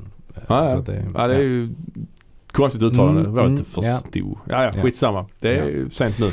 ja, det är konstigt. Ja. Eh, Han faktiskt. gjorde, apropå Gandalf, eh, Mm. en roll som är kanske det närmaste han har gjort Gandalf. Ja det vet Mm. jag inte. Men han gjorde ju faktiskt filmen eh, Rosens namn Mm, på eh, 80-talet också ju. Mm. Där han spelar en Mm. munk. mm. Den här thrillern, det är väl baserat på bok av, vad heter nu han? Vad fan heter han? Umberto Eco. Exakt. Ja. Exakt. Eh, och det är regisserat av Jean-Jacques Anneau har jag för mig. Mm. Som också gjorde filmen Björnen. Ja, ja. Ja. Eh, Christian Slater. Slater. Slater är det, Ja, och. Ron Mm. Perlman är också med där. Mm. Det är en bra Mm. thriller på Ja. ett kloster. Mm. Det är lite speciell film får Mm. man ju säga. Mm. Bra twist i slutet också. Vi behöver inte Nej. avslöja Nej. här. Eh, Nej men det- ja, den är bra. Är inte F. Murray Abraham också med i den? det måste han vara. Ja, det känns så. Spelar han blind i den? Nej. Vem? F. Murray Abraham. Eh, Det vet jag inte. eh, Nej, wow, skit. I don't know. Ja. Ja, men han, han har ju varit med ganska, ganska mycket. Han är även med i filmen A Bridge Too Far eh, som kom 70-talet. Extremt stjärnspäckad eh, film. Det, där är han ju med med sin gamle kompis Michael Caine bland annat. Marco Kane. Michael Caine. Ja. Det är kul med dem två. De var ju väldigt bra vänner privat också. Jaha. Och det är kul att de är ju de två som har dialekter som härmas eh, allra mest just Mm. nu i alla fall. Ja, just nu. Eh, Men de gjorde ju den och sen så gjorde de ju även eh, The Man Who Would Be King Mm. eh, tillsammans. Okej. Också på, på, på 70-talet. Men den är jättestjärnspelad. Gene Hackman är med också. Mm. Eh, och Anthony Hopkins och Denholm Elliot Ah. och Elliot Gould och Ryan O'Neill och James Caan och John. Gielgud och Oj. Robert Redford faktiskt. Oj. Extremt tråkig film. Alltså. Väldigt, väldigt, väldigt, väldigt lång och repetitiv. Det är liksom bara en massa krigsscener hela tiden. Alltså stridsscener och det sprängs broar hit och dit. Men det liksom finns ingen dramaturgi eller någonting sånt. Eh, Dallin Holm Elliot är ju också med i Indiana Jones. Där spelar de Ja. mot varandra också Ja. i den tredje Indiana Jones-filmen. Som Mm. han då spelar Mm. Indiana Jones pappa. Mm. Mm. Spielberg tyckte väl det var lite kul att typ James Bond var pappa till Indiana Jones på något sätt. ja, sa han. ja. Jag tycker den är rätt svag alltså. Den, Jag eh, älskar den. Nej, jag gör inte det. Men eh, Jag tycker det är, ja, jag vet inte. Jag har aldrig gillat tvåan så himla mycket nej. av Bond-film, eller eh, Indiana Jones. Ja, det har jag gjort. Ja. Eh, jag tror nog att jag tycker minst om trean faktiskt. Mm. Nej, jag har alltid gillat ettan och trean Och då, hör och häpna, mest. Minst tycker jag då om fyran. räknar jag också med fyran. Är det sant? Ja, Du tycker fyran är bättre än ja, trean? jag eh, slänger ut den nu här. Okej. Ja men jag, jag, sist jag såg, sist jag gick igenom den sviten Mm. så tyckte jag det. Men det kan ändras. Junior. Let it go Junior. That's for blasphemy. We'll name the dog Indiana. Ja, ja. ja men det, den, är, den är bra så ju. Den är, den är habil absolut. ja men jag, jag, jag tycker bara det är för mycket med den där korsriddaren i slutet alltså. ja. Det är liksom för mycket. Sen är Ja, det ja. sig, det är i och för sig för mycket med det jävla ufot i slutet på fyran också ju. Men Ja. Ja. Det är en annan diskussion. Ja. Men, men den, den tillhör ju hans eh, senare era där han, där han gjorde en, eh, ja, lite blandat kan man säga. Blandad kompott. Ja, han Alltså gjorde... om man, om man börjar, om man tar avstamp, den här, den här sista eran Ja. kan man nog kanske säga börjar med i Rosens namn skulle jag säga. Där han spelar liksom en sån här äldre figur. Ja. Ehm, och sen så är det ju då Untouchables och så gör han Indiana Jones och så gör han eh, Presidio. eh, Där, spelar han amerikan typ i den filmen. Ja, Och ja. pratar like this. Ja men han, det, de, har, de lägger in någon sån scen där han säger att han är född i Skottland. Ja, liksom, som vanligt. Och sånt där. Liv, Ull- Liv Ja. Eh, extremt tråkig film den eh, Presidio. Ja, det är med Mark Harmon. Ja, precis. Eh, och efter det så blev han förpassad till tv, Mark Harmon. Ja, Mark Harmon minns vi också Mer från den mindre, fantastiska filmen Summer School. Just det, just det. Den gjorde han något år tidigare där. Ja, riktigt Eh, fint. Fett men han var rätt stor på 80-talet för han var med i en tv-serie eh, som gick bra i USA. Men Ja. som jag inte tror har... Eh, den heter St. Elsewhere. Ah, Okej, Någon nu, nu gör han väl han Navy CIS vad Ja, fan det heter. ja, ja. Meg Ryan också med i Presidio Mm, ska vi säga. Mm. Helt meningslös roll, Meg Ryans där. Peter Hyams regisserat den Ja, också. så det var ju hans andra samarbete med Peter Hyams. ja. Eh, Men, men eh, rätt, så, rätt så tråkig. Slutscenen utspelar sig på en sån här vatten, du vet sån här vattendispenser som man har på kontor. Sådana stora blå flaskor. Ja. Den utspelar sig på en fabrik där de gör sådana. Jag tror så att det utspelar sig på en sån. Trångt. Nej Ja. men en fabrik där de gör så. Alltså det är bara så. eh, Kan det bli något, kan, kan man hitta en tråkigare setting än det? Nej, kanske inte. Eller Alltså, det kan man kanske. Ja det kan man kanske. Ja, men det här är ju i, i liksom paritet med Länsstyrelsen. Ja. Det är ju Ja, det ungefär kanske. samma. Ja. Den uppgörelsen, filmens klimax. ja. Alltså där, där känns det lite som att han ville, han ville liksom hitta ett sammanhang där han kan reprisera det han gjorde i de om- om- omutbara. ja. Och det var lite det han letade efter i den här filmen kan jag tänka Ja. mig. Men problemet var väl bara liksom att det var inte Mamet som skrev manus Nej. och det var inte De Palma eh, som regisserade. Nej. Uh, all cred egentligen till Peter Hyams för han är ändå eh, en Absolut. habil regissör som Absolut. även är en av de få som också både uh, fotar och regisserar. Ja, då måste man, ja men gör man det så kanske man måste offra någon, alltså någonting, Ja, blir, ja. någonting brister då kanske. Ja, ja kanske. Man kan kanske. inte ha Ja. full attention då kanske. Men, men det, den, den blev ju inte alls eh, så, så lyckad.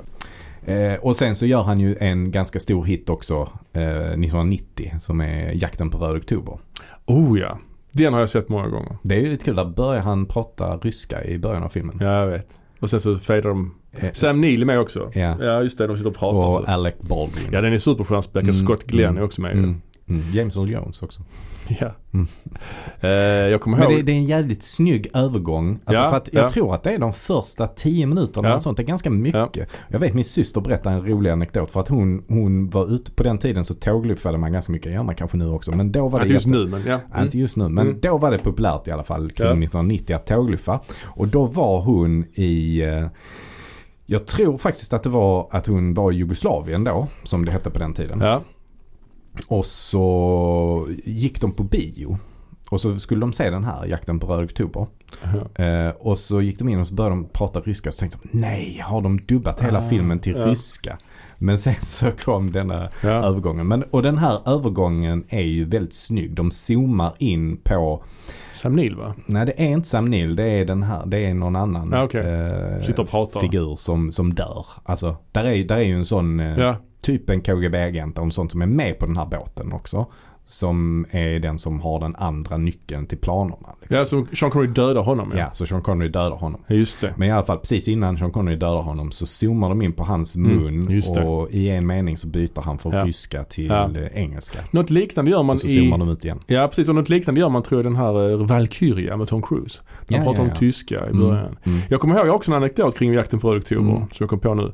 Eh, när, jag, när jag var liten i den, här, i den här åldern då, Mm. alltså 30 år sedan. Då hade Mm. jag en kort period där jag byggde så här modeller. Mm. Alltså modellflygplan Mm. och så vidare. Och då var jag inne i en affär där man kunde köpa just den här röd oktober som Mm. modell. Mm. Och du, som du minns i filmen så har den ju en sån speciell eh, motor som inte låter, som inte Ja, syns på ja. sonar. Mm. The Silent Caterpillar Drive. ja. Ja. Och då var det en gubbe som stod bredvid mig när jag visade. Och titta där är den. Och så var det en gubbe som bara avbröt, alltså kom in där. Den kommer aldrig finnas på riktigt. Det är ett fantasifoster från början till slut. Jag var liksom där 12. Började han där föreläsa mig om vad som funkade och inte funkade i undervattens, liksom, i den marina världen där liksom. Så det är vad jag minns också från jakten, jakten Ja, på oktober. ja. Men det, det, det är en bra film. Ja, den, den, är, den är bra. Det är en riktigt tät thriller. Ja verkligen. Stellan Skarsgård är också med. Ja, ja. En av hans första roller väl i Hollywood kan jag Mm. tänka mig. Ja, det kan det tänkas vara. Eh, sen är det ju en jäkla, alltså jag vet inte om en som där är, finns en enda kvinna med i den filmen. Nej jag tänkte på det. Jo han har väl en Alec fru. Baldwin har en fru. Han har en fru. Ja, Hon, hon är med någon med. kanske. Ja, ja.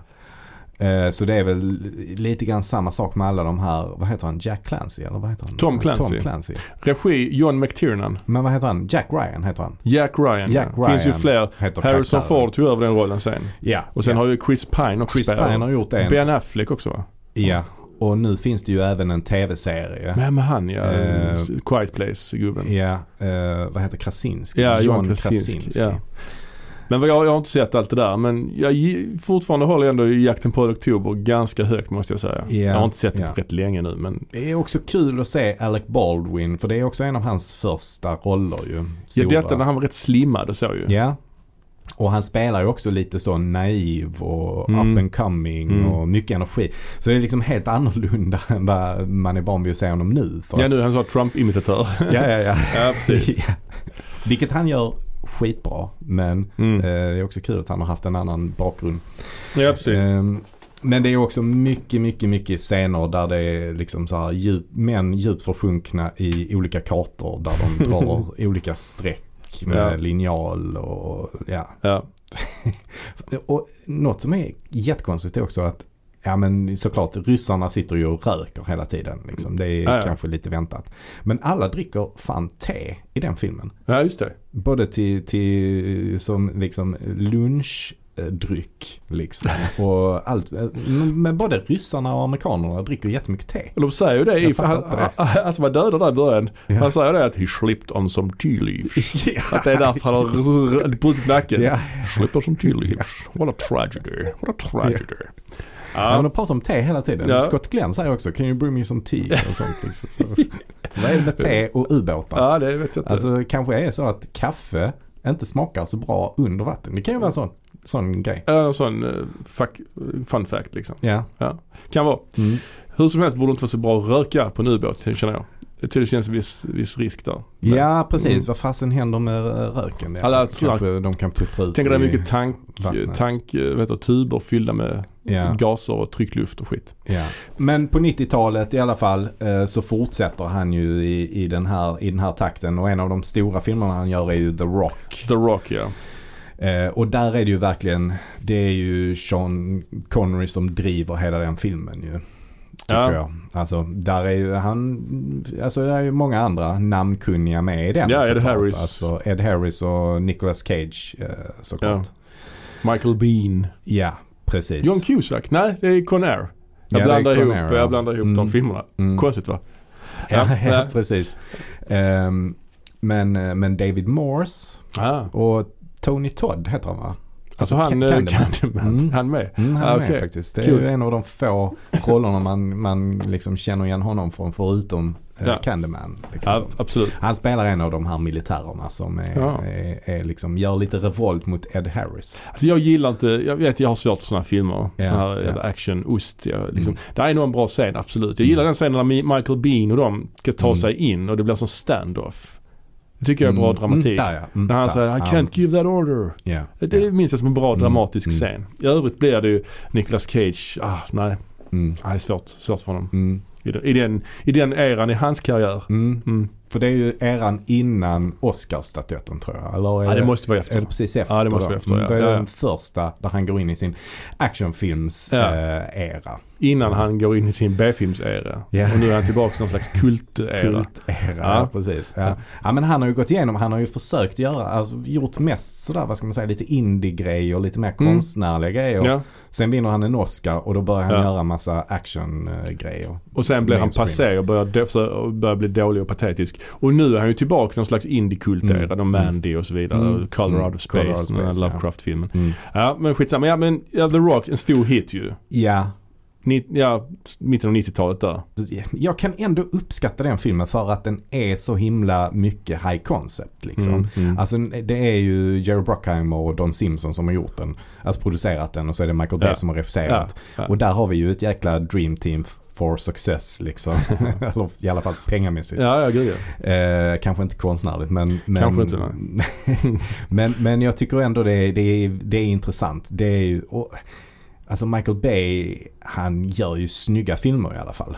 Det får man ge honom. Jag tycker Ja. The Rock är snygg. Ja men det är, sny- det är för snyggt Ja. tycker jag. Det kan, man, det kan jag hålla med Alltså om. han har ju det här reklamfilms... Han Ja. har ju den här eh, filosofin att han ska fuck the frame säger han. Mm. Att det ska hända så mycket som möjligt i varje bildruta. Det ska, Ja. vilken idiot, vilken douche som säger en sån sak. ja verkligen, verkligen. Men liksom att det ska vara eld och skit överallt. Varenda jävla millimeter i bildrutan ska det hända någonting i liksom. Ja. Och starka färger. Och... Ja. Men eh, det, det, sånt ska också få finnas. Ja. Absolut. Jag kan uppskatta en del av de grejerna han har gjort. Till en viss del. Ja. Alltså alla hans filmer Mm. brukar ju vara rätt så bra i början. Sen Mm. flippar det ut Mm. liksom. Men jag tycker det är en av hans bä- bästa faktiskt. Ja det är det kanske. Alltså om man tänker på vad han har gjort. Det är Bad Boys och så, Mm. och så Pearl Harbor till exempel. Alltså, och The Transformers och Ja. sådär. The Island. Jag tycker att The Rock. The Rock är en av hans bästa. Ja, det kan det mycket väl vara. Mm. Kan det mycket väl vara. Och sen så som du sa så följer han upp med Entrapment. Den är ju inte alls eh, samma succé. Jag tror, jag vet inte om jag har sett den. Jag kan ha, den kommer så här 97 kanske något i den stilen. Ja, 99. 99. Jag vet inte om jag har sett den Du kan ens. låna den av mig. Ja, det gör jag. Ja, den och Sardos. Men den är ju på något sätt en blandning. Lite grann Bond, lite Mission Impossible. Mm. Eh, och lite Oceans Eleven kan man säga. Eh, men det är ju framförallt eh, Catherine Zeta-Jones, en av hennes stora filmer. Liksom. Jag minns postern där att hennes huvud uppenbarligen inte, att det var photoshop. Okej. Att det var en annan kropp man Ja. satt hennes huvud på. För det var liksom, det var något som Ja. var lite avigt där. Den filmen är ju för yogabyxan vad eh, Top Gun är för eh, pilotbrillan. Yogabyxan. Eller vad kallar man det för? Tightsen? Tightsen. Där, s- haltande. Ja, Ja, men, men det är är- sekvens där är- där hon ska en klättra. Jävla ostig sekvens där hon ska göra någon ballettdans över sådana laserstrålar som hon Ja. ska träna in. Och sitter och, Och, då, och på henne. då, då zoomar de in på hennes rumpa i de här yogabyxorna. Kan, sä- säger man yogabyxor eller vad säger man? Du får säga det, jag, Ja. jag vet inte. Du vet jag, vad jag menar. Ja men sådana liksom, Tränings, ja, ja, tights. Träningstights. Ja, Och då Lykra. zoomar man in liksom Lykra. på hennes hennes eh, rumpa samtidigt Mm. som man då superimposar Sean Connery ja. när han då sitter så och studerar liksom. För att tanken är då att hon ska inte kunna se de här laserstrålarna sen då. Ja, Och då ska han guida henne för han kan se dem tydligen eh, sen när de gör det. Detta är bara när de tränar. De ska ha ett inbrott eller något de ska göra ett inbrott och ta en tavla eller en mask eller vad det är liksom. En mask. Eh, ja det är någon guldmask de ska ta. Guldmask. Ja. Eh, men i alla fall så eh, Ja, och så, och, så, och så är det också, de har lagt på sådana fula ljudeffekter när hon andas. Så, så Mm. liksom, alltså det, och så sitter Sean Connery där och spanar in henne och smaskar. Liksom. ja det är, det är obehagligt. Ja, det är på- obehagligt. många plan. Och sen så blir det ju då en romans mellan de här två. Sannolikt. Och, ja, och det intressanta är ju att hon är ungefär 30 och han är ungefär 70. Ja det är Liksom. fint. Ja, Och det är lite så också det blev sen i verkligen för hon gifte sig ju sen med Michael Douglas. ja han var väl lika gammal som hennes föräldrar tror jag. 25 år äldre tror jag än vad hon är. Ja. Han hade väl en liknande film, Sean Connery gjorde väl sån här Russia House också med, Mm. med Michelle Pfeiffer. Mm. Det var väl något liknande Mm. där i. Inte lika mycket åldersskillnad kanske där men, Nej. men ändå. Ja. Hans karriär, han, eh, det som är intressant med honom också, Sean Connery är ju att han faktiskt valde att dra sig tillbaka. Ja. Att sluta göra film. Mm. Det är ändå inte så vanligt att folk tar det beslutet sådär. Det har ju hänt, Mm. andra har gjort det också. Jag menar Joe Pesci gjorde det. Han Mm. kom ju tillbaka sen till den här Irishman men det var ju Mm. verkligen med, efter lång påtryckning av, Mm. eh, av han, Scorsese. Men hans sista film blev väl den här eh, The League of Extraordinary. Gentlemen. Eller- är, LXG som den också kallades Ja. för för att det var så lång jobbig titel. mm, mm, Eller The League. mm. Jag har haft många titlar i den filmen. Ja. Men, eh, men eh, Entrapment kom ju 99 så tror jag den kom 2003 eller 2004. Ja, och jag ja. vet inte om man gjorde så mycket däremellan. Jag gjorde den här Finding Forrester. Just det, Finding Forrester. Men den, den är ju faktiskt... Gus Van eh, Sant, va? Mm, det är Gus Van Ja. Sant ja. Den gjorde han och den får man ju faktiskt också bära upp lite grann. För Mhm. att det är ju ändå hans sista bra, riktiga film tycker jag. Liksom. Alltså Ja. som en riktig rollprestation. Ja, För. Entrapment och The League kunde varit bra men ehm, det, det är den ju inte. Vill jag minnas i alla fall. Den är baserad på en serie av eh, Alan, Alan Moore, som gjorde också Mm. Watchmen. Det påminner rätt så mycket om den här eh, andra tv-serien, som, vad heter den som gick nu? Penny Dreadful. Mm. Den har rätt mycket Mm. likheter med det ju. Eller tvärtom. Mm. Penny Dreadful har likheter med League. Mm. Alltså det är så här kända litterära figurer som bildar team. Alltså det är typ Mm. Captain Nemo och Mina ifrån Dracula och Alan Quatermain och Dr. ja, han, Frankenstein. han spelar typ. Alan Quatermain va? Ja precis. Mm. Typ Dr. Frankenstein kanske är med också. Ja. Jag vet inte. Ja. Mr. Hyde är med. Alltså Ja. det är alla de här 1800-talskaraktärerna Mm. som bildar någon slags team och så ska de ju bekämpa olika Kanske han, professor Moriarty kanske är med Mm. också. till exempel. Rätt så kul serie. Är inte Sherlock Holmes med? Jag vet inte, jag Nej. kommer inte ihåg. Men eh, filmen minns jag som ganska käs. Mm. Ja men den, eh, den blev ju ingen större hit tror jag inte.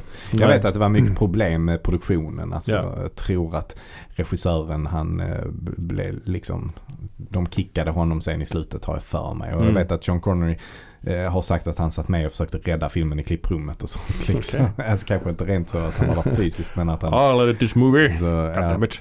Mm, Ja.